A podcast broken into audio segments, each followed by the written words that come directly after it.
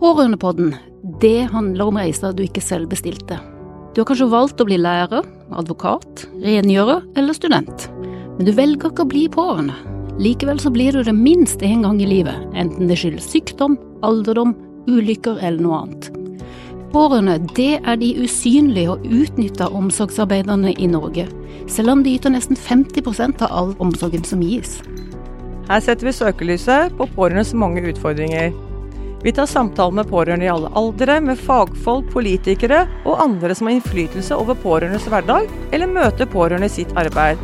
Vi skal få frem de ulike perspektivene, og skal belyse ulike deler av omsorgen, både på godt og vondt.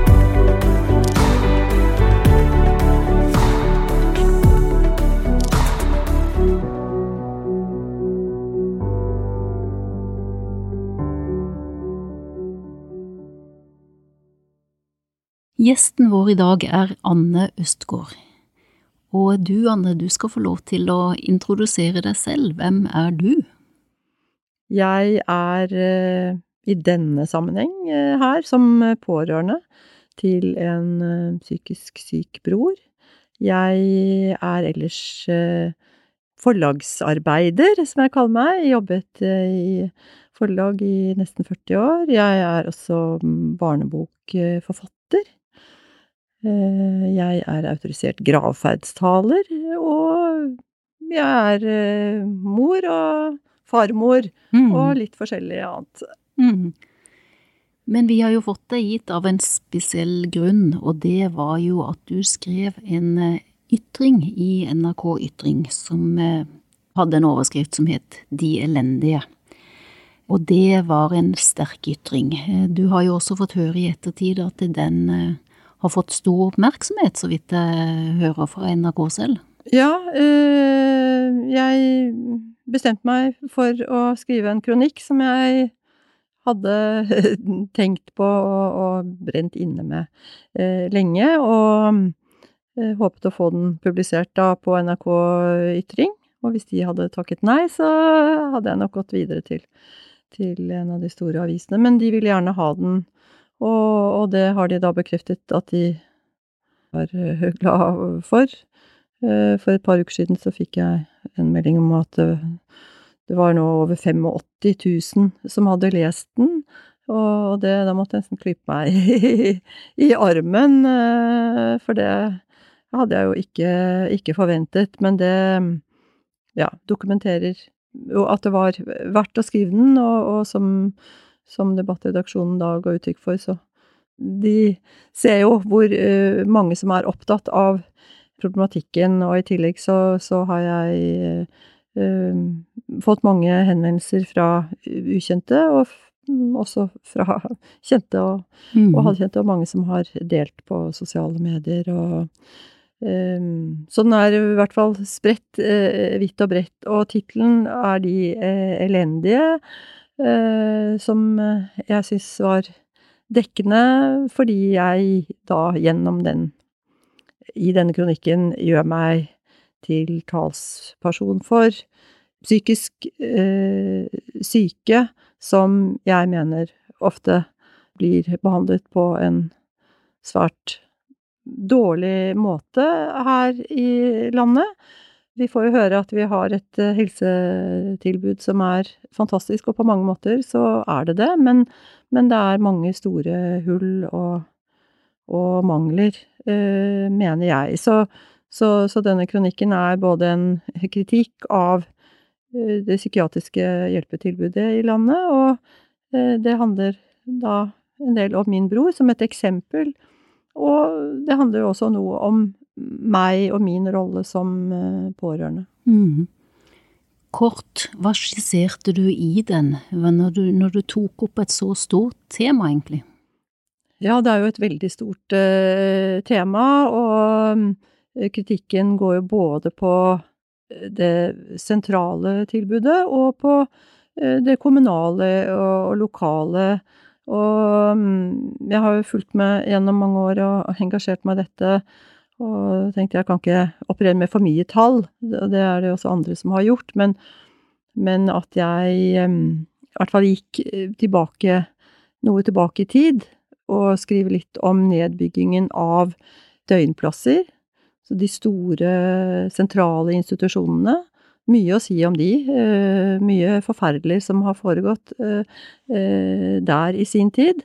At det var behov for endringer. Men når vi fra 60-70-tallet har gått ned fra over 16 000 døgnplasser til i dag litt over 3000, så sier jo det ganske mye, syns jeg. Og det kom jo en såkalt samhandlingsreform her for noen år siden, hvor kommunene skulle få et større ansvar for alle typer pasienter, altså både innenfor somatikk uh, og for psykiatri, og hvor denne reformen ble gjennomført lenge før det var lagt til rette mm. for det. og fortsatt så mener jeg at Jeg kjenner jo ikke forholdene i alle kommuner, men jeg har inntrykk av at, at jevnt over så kommunene mangler midler, de mangler kompetanse, de mangler kapasitet, og mange steder også vilje, har jeg en følelse av. At mm. det også handler om mm. holdninger, da. Så, så, jeg skriver jo litt om sagt, både det sentraltilbudet og det, og det mer lokale, fordi at alle skal nå alle i gåseøyne skal bo for seg selv og behandles eh, hjemme. Og det finnes mennesker som mangler boevne, som har behov for et helt annet tilbud, eh, permanent, men også mennesker som i perioder har behov for eh, innleggelse, og det vi ser nå er jo en form for svingdørs psykiatribehandling som som jeg ikke kan forstå at noen er tjent med. Mm. Hva, hva, hva, tenkte du at ville, du ville oppnå med å skrive dette? Var det å belyse, var det å skape debatt, var det å jeg håpet jo på alt. Engasjement? ja, jeg håpet jo på alt. Altså, ja. jeg, jeg, har jo håpet å, å nå uh, politikere og fagfolk. Men, men, også da det som jeg i hvert fall eh, vet jeg har gjort, da. Eh, mange andre pårørende som opplever å, å, kunne kjenne seg igjen, og som selv ikke har mot eller evner eller orker mm. å eh, rope høyt, og, og, som har takket for at, at jeg har satt ord på noe de selv uh, føler og, og tenker uh, Fordi det krever jo det krever jo et visst mot, og man bør også kanskje ha en uh, relativt god penn, og det, det, når det er, gjelder noen av de som står oss nær, så, så, har vi jo mye følelser knyttet til det, og da er det å skrive ganske mye mer altså, krevende og mye tyngre enn om man skulle skrive om noe som Eller noen som, som er eh, fjerne, og, og, hvor du ikke har det emosjonelle inn i, i, i, bildet, da. Men jeg har jo da sagt, eh, tatt utgangspunkt i min brors eh, situasjon, som har vært eh, syk i ja, over 30 år.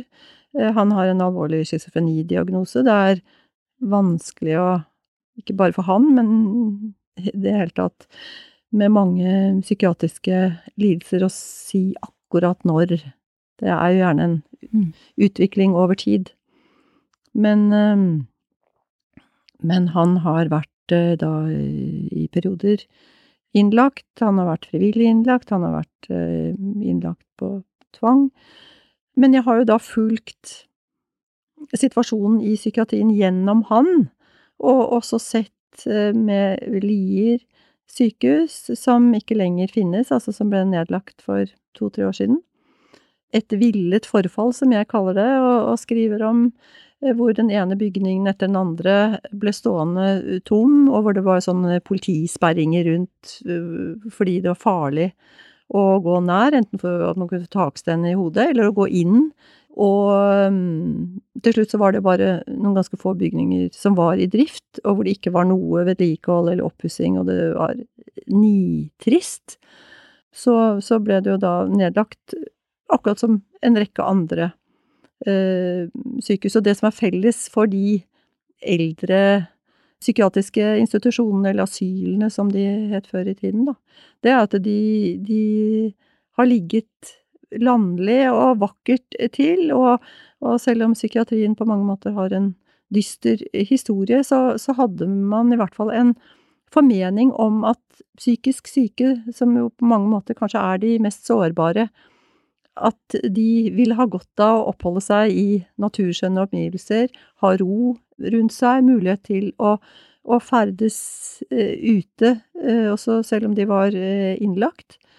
Og det vi ser, som jeg da er inne på, er jo at ikke bare antall døgnplasser, men også institusjonene forsvinner. Jeg vet ikke om dere så en reportasje i Aftenposten nylig om Dikemark, som jo også er en av disse gamle asylene. Eh, som nå er en eh, Fra å være en, liksom en liten landsby med mye aktivitet, eh, så, så, er det nå en sånn spøkelsesby hvor de fleste bygninger står tomme, og det er vel bare en sikkerhetspost nå igjen, og, og det er ganske stusslige forhold. Så, mm, ja, så dette har jeg da skrevet om, og også hva som foreligger av planer og, og dette er jo allerede, ser man jo noen steder, at det bygges nye somatiske sykehus hvor psykiatrien er en del mm. av eh, Altså blir, blir, innlemmet, ikke som eget sykehus, men det skal være liksom en del av, av eh, nye sykehusbygg. Og hvor det er psykiatriske avdelinger, gjerne oppe i etasjene i en eller annen høyblokk. Og hvor utearealer er nærmest fraværende. og det er ikke meningen at folk verken skal legges inn, eller hvis de blir lagt inn, så skal de i hvert fall ikke være der eh, lenge. Mm. Så hva har vi fått i stedet, da? Jeg mener at, at vi har eh, fått et uh, tilbud som ikke er uh, verken uh, humant eller funksjonelt, og som ikke står i forhold til, til behovet. det har vært mye debatt rundt nedleggelsen av, av Ullevål og altså planen om et nytt uh, sykehusbygg på Gaustadjordene, mm. hvor mange mener at det er altfor trangt, og, og, det skal bygges da et nytt lokalsykehus på, på Gamle Aker. Og der skal psykiatrien inn. Uh, noen etasjer i en høyblokk. Og det også nevner jeg i kronikken min, at det er vel kanskje det mest trafikkerte Eller tomten, da, som er omgitt av mest trafikk i hele landet, hvor du har uh, Østre, eller Trondheimsveien på den ene siden, og du har Sinsenkrysset med Ringveien på den andre, eh, hvor det er støy døgnet rundt, eh, og, og her skal mm, folk som absolutt trenger ro, plasseres da oppe i etasjene og med denne, med denne støyen. Mm. Jeg har snakket med politifolk som forteller om sin fortvilelse, hvor eh, de kan jo bli tilkalt til det såkalt husspråk, og hvor det da er et familiemedlem som opplagt trenger behandling. Og innleggelse, og kjøre da til akuttmottak blir avvist, eller at vedkommende blir lagt inn og så skrevet ut igjen i løpet av et par dager, og så tilbake til de pårørende, mm. um, som da fortvilt har forsøkt å få hjelp, og det er jo da i hovedsak fordi det er ikke det er ikke plass. Ja. Du er jo ganske tydelig på også det du observerer og ser som pårørende, og, og din situasjon. Kan du fortelle litt eh, om hva ja, du Ja, altså, denne broren min, han har da som sagt vært syk i mange år. Jeg er nærmeste pårørende, og jeg er også hans verge. Og våre mm, foreldre mm, døde for ganske lenge siden. Og, og selv om jeg da bor langt unna, altså jeg må kjøre 14-15 mil tur-retur, så, mm, så er det ingen andre som følger opp øh, han. Og jeg føler jo et veldig ansvar for at han skal leve et uh, verdig liv. Men jeg må jo si at det har vært en vedvarende kamp mot den uh, kommunen han bor i, da, som er vår felles uh, hjemkommune, nå en del av nye Stordrammen.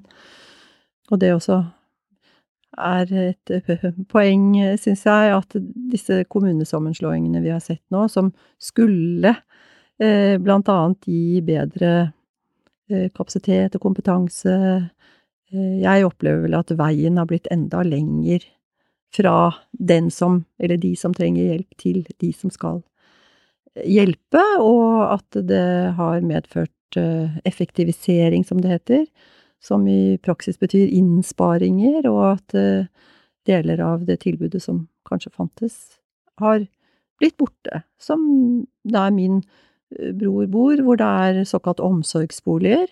Kommunale omsorgsboliger. Det er 17 enheter.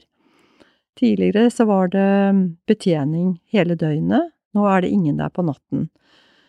Tidligere så var det to fellesrom hvor eh, de som bodde i leilighetene kunne uh, møtes, om det var å se på TV eller låne PC, eller uh, spise sammen, og det var organisert felles bespisning noen dager i uken. Og i høytider, for eksempel altså julaften, første og annen dag, som jo kan være viktig for de beboerne, men også for pårørende. Det er ikke alle man kanskje kan rett og slett hente eh, hjem. Eh, og, og, det også er det nå slutt på. Men, men sånn helt eh, konkret så så er det å være pårørende for meg Altså det å påse at broren min har det han trenger av eh, klær, eh, mat, eh, at han har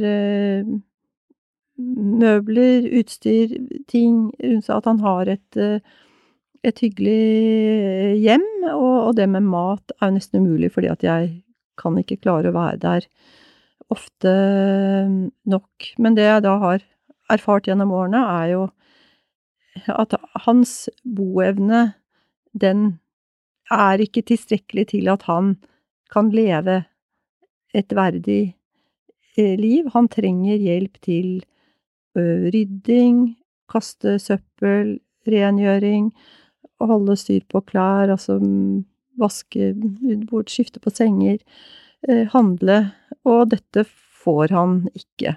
Nei. Men vet du hvor, hvorfor får han det ikke? Det er jo ulike grunner til, til, det, og i de senere år så har jo dette med samtykke og samtykkekompetanse kommet inn da, som en del av lovverket, og som jeg opplever at de ansatte, de som er lønnet for å skulle hjelpe og sørge for verdig liv for beboerne de har ansvaret for, at de dekker seg bak dette med samtykke, og sier at eh, de ikke har lov uten å bli spurt, eller uten at det er blitt eh, godkjenning, og dermed så, så gjør de ingenting. Men, men, eh, jeg har vel opplevd at det, det var ikke nødvendigvis bedre før denne såkalte samtykkeloven kom. Men jeg, noen ganger så lurer jeg rett og slett på hva de ansatte faktisk gjør. Her er det folk med en helsefaglig bakgrunn. Jeg kjenner jo ikke alles, men jeg vet i hvert fall at det er sykepleiere, sykepleiere med øh, psykiatrisk tilleggsutdanning. Og så er det helsefagarbeidere øh, som altså ikke har høyere utdanning, men i hvert fall en viss bakgrunn. Uh, jeg vet at det er en pensjonert politimann. Ymse. Men jeg har også en følelse av både lokalt og sentralt, altså på sykehus, så, så er det veldig mye ufaglærte innenfor psykiatrien. Og jeg har liksom en følelse av at det er ikke så farlig, fordi det er jo, det er jo bare psykiatriske pasienter. Og jeg får også en følelse av at det er ikke så farlig hvordan de har det, eller hvordan de bor, eller hva de spiser, fordi det er jo bare psykiatriske pasienter.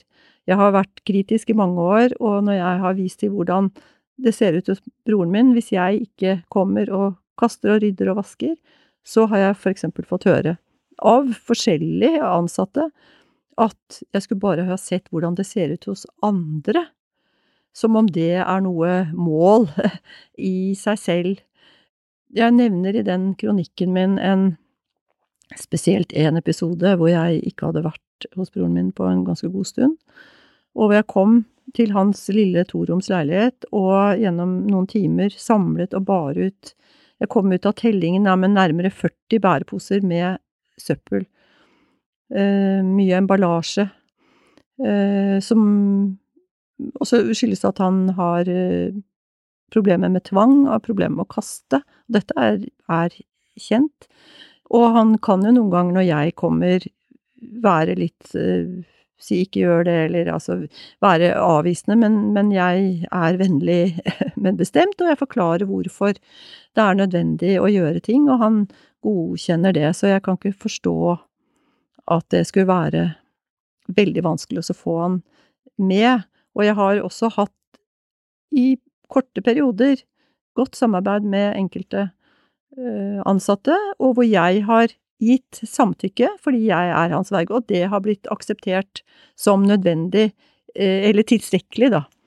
Mens uh, andre godtar ikke det. Men det handler i hvert fall om, når jeg kommer, samle og kaste.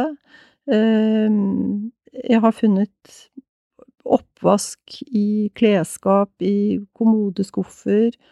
Kommet ganger hvor det er Han har ikke noe Altså, det er ikke et rent glass, det er ikke et, noe rent bestikk, det er ikke noe å bruke. Over kjøkkenet er dekket av søppel, altså i hovedsak igjen emballasje. Eh, sånn at det er ikke mulig å lage mat der. Altså, du kan ikke skjære et stykke brød engang. Jeg har kommet til kjøleskap som ser tilsynelatende fullt ut, og så har jeg begynt å kjenne på, ta ut, og så er det da tomme melkekartonger og tomme, yoghurt, tomme yoghurtbegre, og når jeg har tatt ut, så er det ikke noe mat der. Det kan kanskje være en kjele eller to med innhold som ikke er så lett å identifisere, som kan ha stått veldig lenge, altså rett og slett helsefarlig, eh, tenker jeg. Eh, og det er andre ting også som gjør at han, han har jo da et elendig mm, kosthold, eh, som jeg syns er mm, selvfølgelig bekymringsfullt. Og så er det jo da selvfølgelig det med hygiene.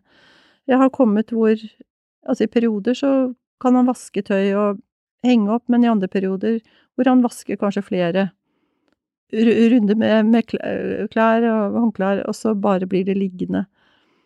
Og da kan man jo ane noe som er vått, som ikke får bli tørt, altså det kan bli ødelagt med jordslag, det blir lukt, og, og det som da etter hvert tørker langsomt, det blir altså små, harde klumper med Altså, det kan være undertøy, T-skjorte, det er nesten umulig å kunne bruke det. Så ofte når jeg kommer, så, så må jeg da ta med meg hjem og sist jeg eh, var hos han, så eh, Da var datteren min eh, med og hjalp. Og da hadde jeg tre smekkfulle søppelsekker som ble til åtte klesvasker før alt var, var rent og Da vet jeg jo at han nesten ikke har noe å ha på seg, så det er jo liksom også et press for å reise At jeg raskt må tilbake, da, for å levere levere rent. Så det er jo noe som eh, av, av det jeg eh, møter, og som jeg ikke kan fatte må være sånn. Hva, hva, hva, hva kjenner du som pårørende når du må gå eller oppleve dette her? Hva, hva gjør det med det? Eh, ja, jeg blir ofte rasende. mm. og har vel kommet på kant med, med flere Og det også er jo en belastning i seg selv, mm. og, og da fremstå som fordi jeg da blir uh, så kritisk, jeg stiller krav, jeg um, oppleves jo da sikkert ubehagelig, altså som uh, Ja, jeg liker å, uh, å si søstera fra, fra helvete. Um, og selv om jeg har Altså, jeg har sagt ifra, jeg har skrevet brev, har, det har vært situasjoner hvor jeg har også klaget uh, høyere opp i systemet, jeg har sendt uh, klager til uh, altså tidligere fylkeslege, fylkesmann og statsforvalter. Jeg har gjort uh, ganske mye Men det fører jo ikke nødvendigvis til noe um, bedring eller endringer, da. Men jeg har jo nå hatt kontakt, som sagt, etter denne kronikken med, med flere pårørende som kjenner seg igjen i det. Eldre foreldre med voksne, godt voksne eh, barn med alvorlig psykisk eh, sykdom som bor alene, men i omsorgsboliger med betjening, men hvor det fortsatt er foreldre i 60-, 70-, kanskje 80-årene som må eh, stille opp uh, og rydde og kaste og vaske og handle og uh, Og som er jo da veldig engstelige, selvfølgelig, for hvordan det skal gå den dagen de blir for syke, mm. eller de dør og ikke kan hjelpe å følge opp mm. lenger, da. Ja, for jeg tenkte litt på den, den situasjonen som du sier der, den, den er jo er mange som har opplevd. Men hva tenker du som kjenner systemet, både er engasjert i dette med institusjonsplasser, dette med pårørende, altså du har klaget og sånn. Hva er mm. det, har du noen forslag til noen løsninger, hva vi kan bli bedre på? Det er jo veldig mye jeg mener man kan bli bedre på, og som ikke nødvendigvis uh, handler om uh, økte kostnader, men mye om Eh, en annen måte å organisere på, og det handler mye om, om eh, holdninger. Og, og, for det første så er det jo et absolutt behov for eh, flere såkalte døgnplasser. Og, og, nå har vi jo en helseminister som i hvert fall har sagt flere ganger at den planlagte nedbyggingen, altså den som skulle fortsatt, for den har jo vært pågående lenge, at den nå skal, skal stoppes. Men jeg mener også at vi trenger en type eh, institusjoner som ikke finnes, eh, altså mer en type eh, hjem, altså små enheter som er laget og har både uttrykk, interiør, er organisert som, som et, et, hjem, og de som bor der da, et mindre antall, og hvor man prøver å plassere folk sammen som har kanskje noe til felles. At de skal selvfølgelig ha sitt eget eh, og mulighet for privatliv, men, men, hvor det er betjening som sørger for eh, felles eh, bespisning, felles aktiviteter, og hvor også de som bor der, blir engasjert både i aktiviteter, men også i oppgaver i det daglige Fordi at jeg På de, store sentrale institusjonene så er det jo etter min oppfatning veldig inaktivt. Det er veldig lite ofte som foregår, det er mye oppbevaring. Og, og jeg vet at det, at det finnes, og det finnes for psykisk utviklingshemmede, men ofte så er den type boliger, hvis vi kalle det det, da, initiert av nettopp pårørende, som da har kjempet eh, en kamp for å skaffe midler og, og sørge for, for, sine Men så er det jo da den type omsorgelig bolig som min bror liksom jeg kaller omsorg i gåseøynene, er eh, underlagt rundt i kommunene, hvor eh, mennesker bor i såkalte omsorgsboliger, men noen også i private hjem. Men at de blir fulgt opp på en helt annen måte. Og min bror har i mange år hatt en såkalt primærkontakt. Jeg skjønner ikke hva det i praksis eh, innebærer, men, men, jeg mener at den som da skulle være primærkontakt, har tett oppfølging av sin eller sine pasienter eller brukere, og sørge for Altså hvis det er behov for ytterligere bistand, som eksempel min bror, som burde jo i alle år hatt såkalt uh, hjemmehjelp, heter vel før i tiden. Mm. Praktisk bistand i heimen. At ikke det er jeg som pårørende som må søke om det og krangle og slåss for å få det på plass, og hvor det kanskje til slutt kommer et vedtak på én time hver 14 dag som ikke er noen ting, for du kan ikke gå inn i et sånt hjem og hva står det i vedtaket, støvsuge og tørke av flater når det Eh, ser ut som det gjør. Altså da er det en, en eh, betydelig ryddejobb mm. først, og, og, at jeg kan komme dit og bruke åtte-ni timer Eh, og jeg har også noen ganger, som jeg skriver om, leid inn privat vaskehjelp i tillegg, som, som da, selv om det er en liten leilighet, kanskje har brukt tre timer i, i tillegg. Eh, så, så sier det seg selv at den ene timen er jo ikke verdt noe. Men hvis det ble holdt sånn noenlunde hele tiden, at det ble daglig eller annenhver dag eller tre ganger i uken, eh, altså kastet søppel, og det ble ryddet, og han fikk hjelp til å eh, vaske og henge opp klær, og også en ting som jeg ikke nevnte i stad, post.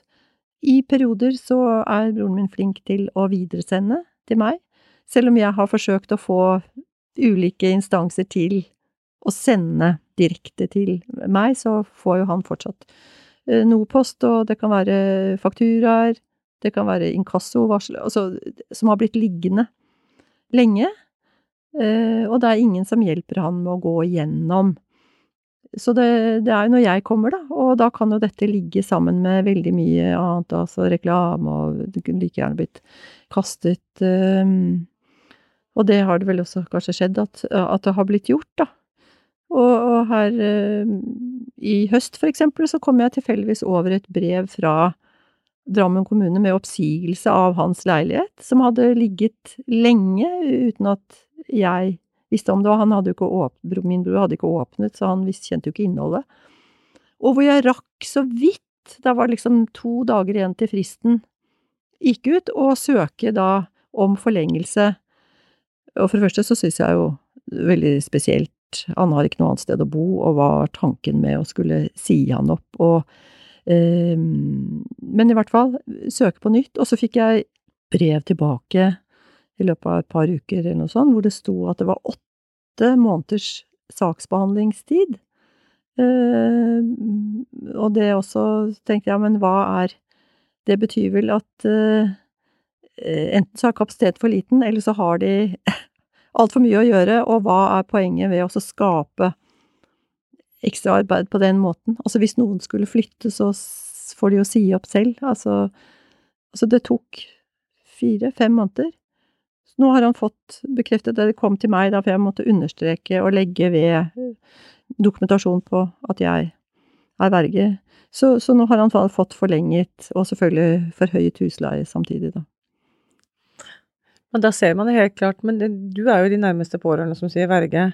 Hva er det som gjør at ikke kommunen og de som jobber der, systematisk bare inkluderer deg? Både i dette med mat, alt mulig, så de vet hva de kan gjøre. Og du kan gjøre eventuelt du kan bidra hvis han ikke vil ha de inn, da. Det kan ja. også være, ikke sant. Det er jo ja. I perioder hun er dårlig, så kan det være kanskje at den er litt engstelig. Og da regner jeg med at du kan være en døråpner for helsepersonell? Jo, og han kan absolutt være avvisende, og han kan være krevende eh, å ha med å gjøre. Det er den første til å, å se, og også altså gitt uttrykk for at jeg er klar over. Men, men, igjen så handler det jo om hvordan man kanskje møter han, og, eh, og også eh, tror jeg han og mange andre med psykiske lidelser er veldig avhengig av rutiner og forutsigbarhet. Så det også har jo noe eh, med saken å, å, gjøre. At det ikke er for mange forskjellige eller ulike mennesker. At ting skjer på avtalte tidspunkter. At han er forberedt. Og det skulle jo være mulig å gjennomføre. Men jeg kan rett og slett ikke svare, og som sagt, gjennom årene så har det jo vært en del utskiftning av personalet, og jeg har opplevd da, og igjen så handler det jo mye om holdninger, tydeligvis, jeg har opplevd at det har vært ansatte som har invitert meg inn, for å si det sånn, altså til samarbeid, som har holdt meg eh, løpende oppdatert, som har tatt kontakt hvis det har vært noe spesielt. Og så er det andre hvor jeg hvor det også da er en primærkontakt som jeg aldri hører et ord fra. Så, så at det også er veldig personavhengig, og, og, det har jo sikkert også med ledelse og retningslinjer Jeg kjenner jo ikke til enhver tid mm. hva som, hva som uh, gjelder.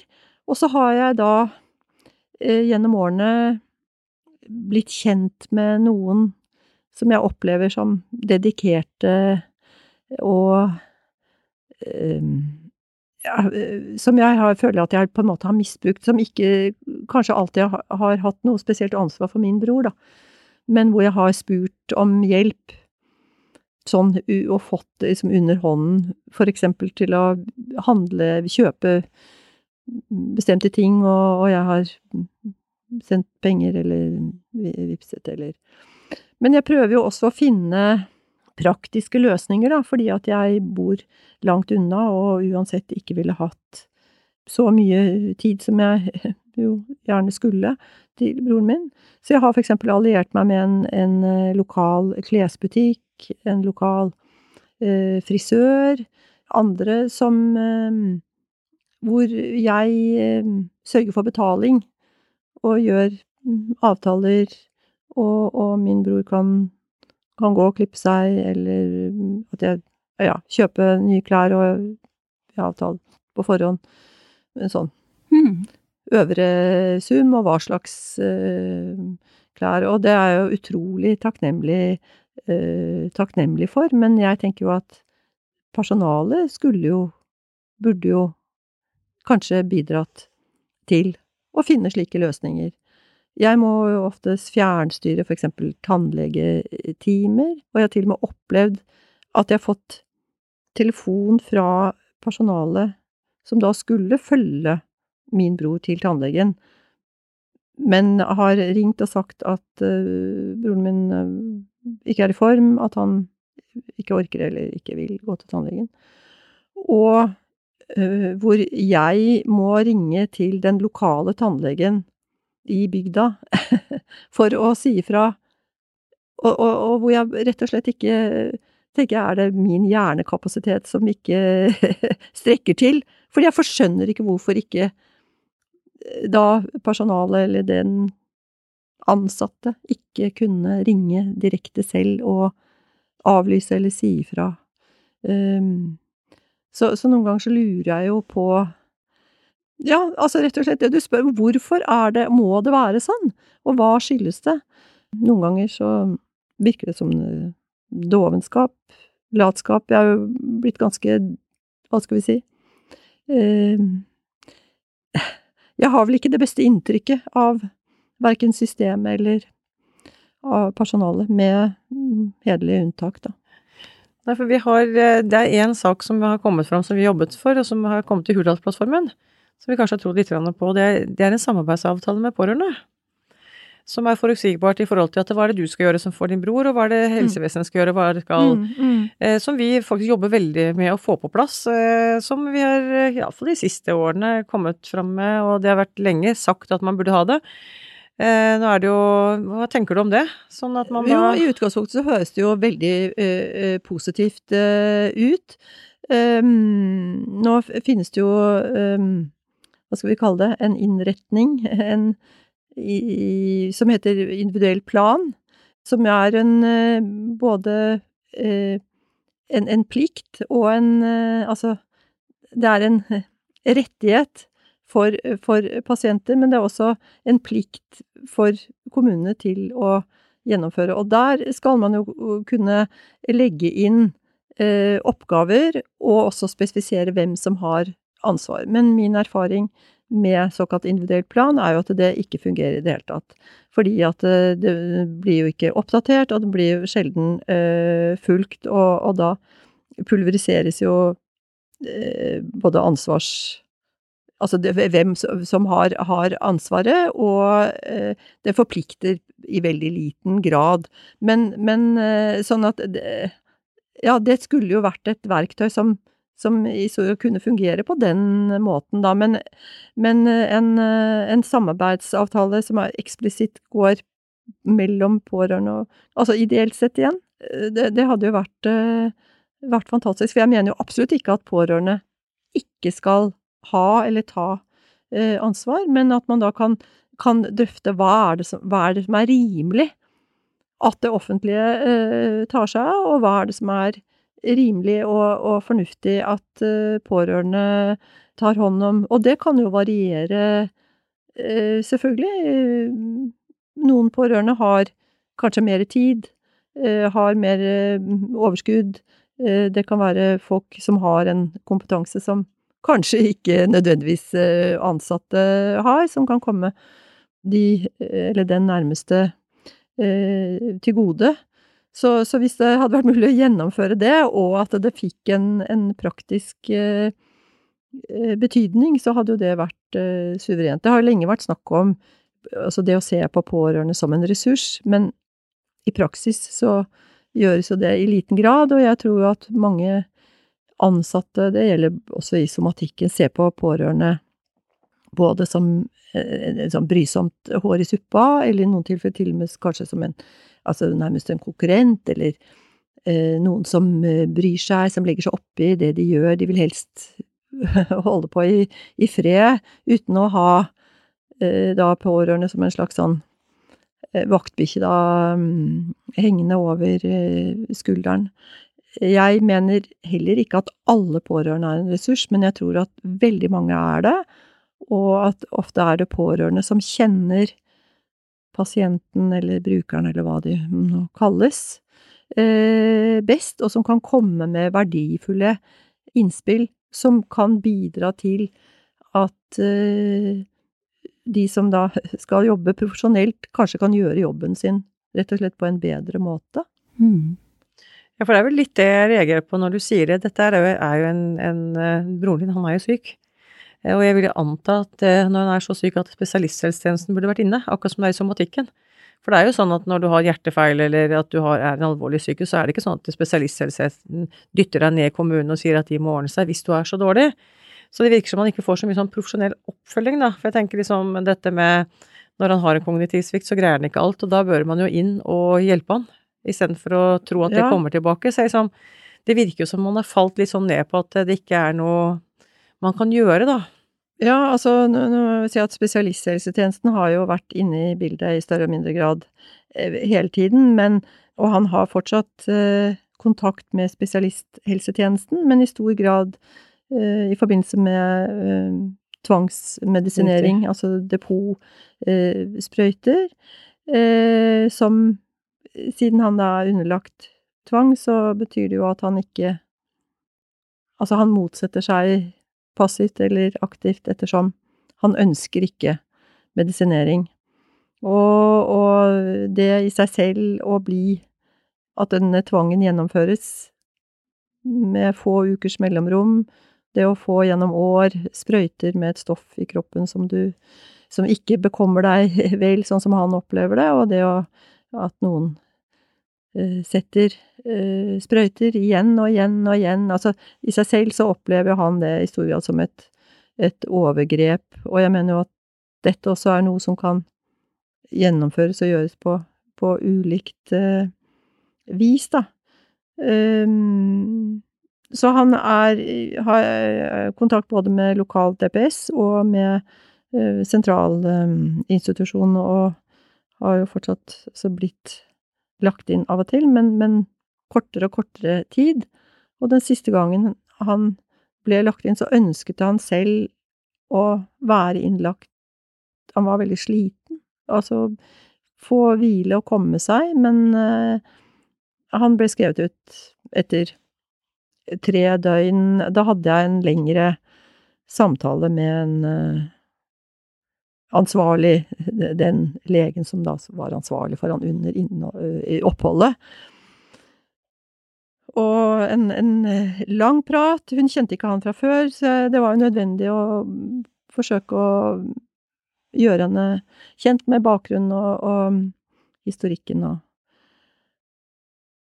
Og jeg ba henne pent, for jeg syns jo særlig når han selv også var innstilt på å være lagt inn en lengre periode, at hun skulle lytte til det, for det har jo vært andre ganger hvor han ikke har ønsket og burde.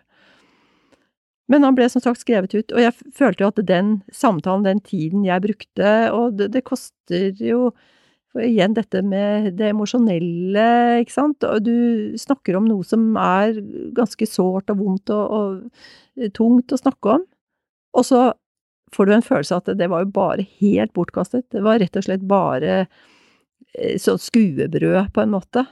Eh, så mm, men, men da viste jo hun til at det var kommunen som hadde ansvaret. Mm. Uh, og, og, hun var vel igjen da underlagt uh, restriksjoner om at uh, her skal pasienter raskt ut fordi det er trangt om plassen og, og ventelister. Men noen form for behandling, altså terapi, uh, får han jo ikke, og jeg vet ikke heller om han er mottakelig. Han har jo vært syk veldig lenge. Han har eh, fått Altså, han har blitt, blitt utsatt for kraftig medisinering i veldig mange år. Jeg tror jo at disse medisinene har vært med på også å skade han, og at det nå er vanskelig å vite hva er underliggende sykdom, og, og hva er påført, eller hva er en, en uh, miks, si, av omstendigheter som gjør at han er som han er i dag, da. Hmm. Dette har jo vært en god samtale, og du er jo inne på veldig mange store temaer og har en lang erfaring på dette. Men hva ville du ha gitt for råd hvis du fikk eh, helseministeren i tale og sagt at dette var noe man burde gjøre med en gang? som hadde gjort situasjonen bedre for deg som pårørende, eller for mange pårørende, for du sier du har fått mm. veldig mange reaksjoner ja. eh, og henvendelser og tilbakemeldinger. Hva, hva, hadde vært et stort og viktig grep å gjøre for, å få, for at pårørende skulle fått det bedre i en sånn situasjon? Ja, det, er vanskelig å nevne ett enkelt eh, grep, eh, kanskje, men, men, men et som i hvert fall burde være overordnet, eh, så var det jo at eh, de som pårørende kommer i kontakt med, da, om det er lokalt eller sentralt, at man blir trodd og tatt på alvor. For det tror jeg veldig mange opplever at de ikke blir, og det er jo særlig kanskje i akutte situasjoner eh, hvor det kan være fare for liv og, og helse. Men, eh, men, i hvert fall at pårørende, så sant de er troverdige og fornuftige mennesker, og det er jo de fleste, at de blir lyttet, eh, lyttet til. Og så er det jo det som jeg har vært inne på, altså at man stopper nedbyggingen av døgnplasser og eh, begynner en bevisst og planlagt oppbygging, utbygging, og med mer kanskje nyanserte eller differensierte tilbud. Og forstår at uh, disse menneskene, som jeg sier, som er kanskje spesielt sårbare, uh, trenger å bli plassert uh, steder hvor det er godt å være, trygt å være. Og så tenker jeg at i den kommunale helsetjenesten at det må skje en både en holdningsendring og en ikke nødvendigvis, eh, som jeg sier, altså flere ressurser, flere folk, men, men eh, en annen måte å organisere på, og, og at eh, en erkjennelse av at det er det, det, finnes mennesker som dessverre ikke forstår sitt eget beste, som mangler det som vi kaller for boevne, altså har et lavt funksjonsnivå, og som trenger da trygge, gode mennesker rundt seg for å kunne gjennomføre hverdagen og leve verdige liv. Det som er også faktum er jo at man er jo veldig i fokus f.eks. innenfor eldreomsorg, at man skal beherske ADL, altså aktiviteter og daily life og sånne ting, så er det jo veldig rart at man ikke gjør det innenfor denne, overfor denne gruppa, da, og som vi også kommer, vet kommer til å å bli en del av eldregruppa også, ja. ikke sant. Lever lenger med psykiske lidelser, noen før og medisinske utvikling ja. og sånt, så vi får jo også dette inn i, i det som kalles den berømmelige eldrebølgen, da. Ja, og da har jeg også lyst til å si til slutt at om det gjelder da eldre, om det gjelder folk med psykiske lidelser, somatiske plager, så er folk forskjellig. Mm. Og at det også kanskje er et element her, at ofte psykisk syke blir sett på som i en eh, gruppe, og at det er liten interesse for å se kanskje hele mennesket. Altså, alle er jo noe mer og annet enn sin diagnose, sin sykdom, og også at det skal være interesse for å eh, se Altså, er det noen ressurser her som eh, kan eh, brukes eh, til beste for altså pasientene, brukeren selv, men, men, også i et fellesskap, eh, kanskje, da, og som kan bidra til mer aktive og, aktive og meningsfylte liv for dem det gjelder. Mm. Det var en eh, veldig god, egentlig, avslutning på en veldig god samtale, opplever jeg. Jeg tror du har gitt veldig mange innsikt i, eh, i en situasjon som ikke alle er kjent med, og som at det er sånn det faktisk er. Og at eh, ja, de, disse pasientene er en ressurs, men jommen meg, de pårørende som står rundt, de er jo også en ressurs, men det er ikke alltid de får lov til å være det. Nei, eh, dessverre. Nei. Jeg for min del takker for at jeg fikk komme, og, og jeg setter stor pris på på det initiativet dere har eh, tatt med både denne organisasjonen som har så gode formål, og, og denne podkasten eh, som er meningsfylt eh, å, å lytte til og delta ja, og så er du også medlem i, i en lokalavdeling av eh, LPP, altså Landsforeningen pårørende psykisk helse, ja. og det er også kanskje en, en, viktig ting å minne om at man kan gå inn og bli medlem for både egen del og for pasient- eller brukers del. Da. Ja, og hvor man både kan søke råd og man kan uh, møte likesinnede, for å si det sånn, for mm. det er jo også eh, ofte at man kan føle seg veldig ensom mm. i, i, situasjonen, og at det kan være godt å, å, både møte og samtale med andre med lignende erfaringer. Det er dessverre uh, mange der ute. Lenken ligger i episodebeskrivelsen. Tusen takk, Anne, for at du delte. Takk for meg. Takk. Er dette tema for deg eller noen du kjenner? Følg oss gjerne på sosiale medier, hvor vi synliggjør og gir de pårørende stemme. Du finner alle lenkene i episodebeskrivelsen.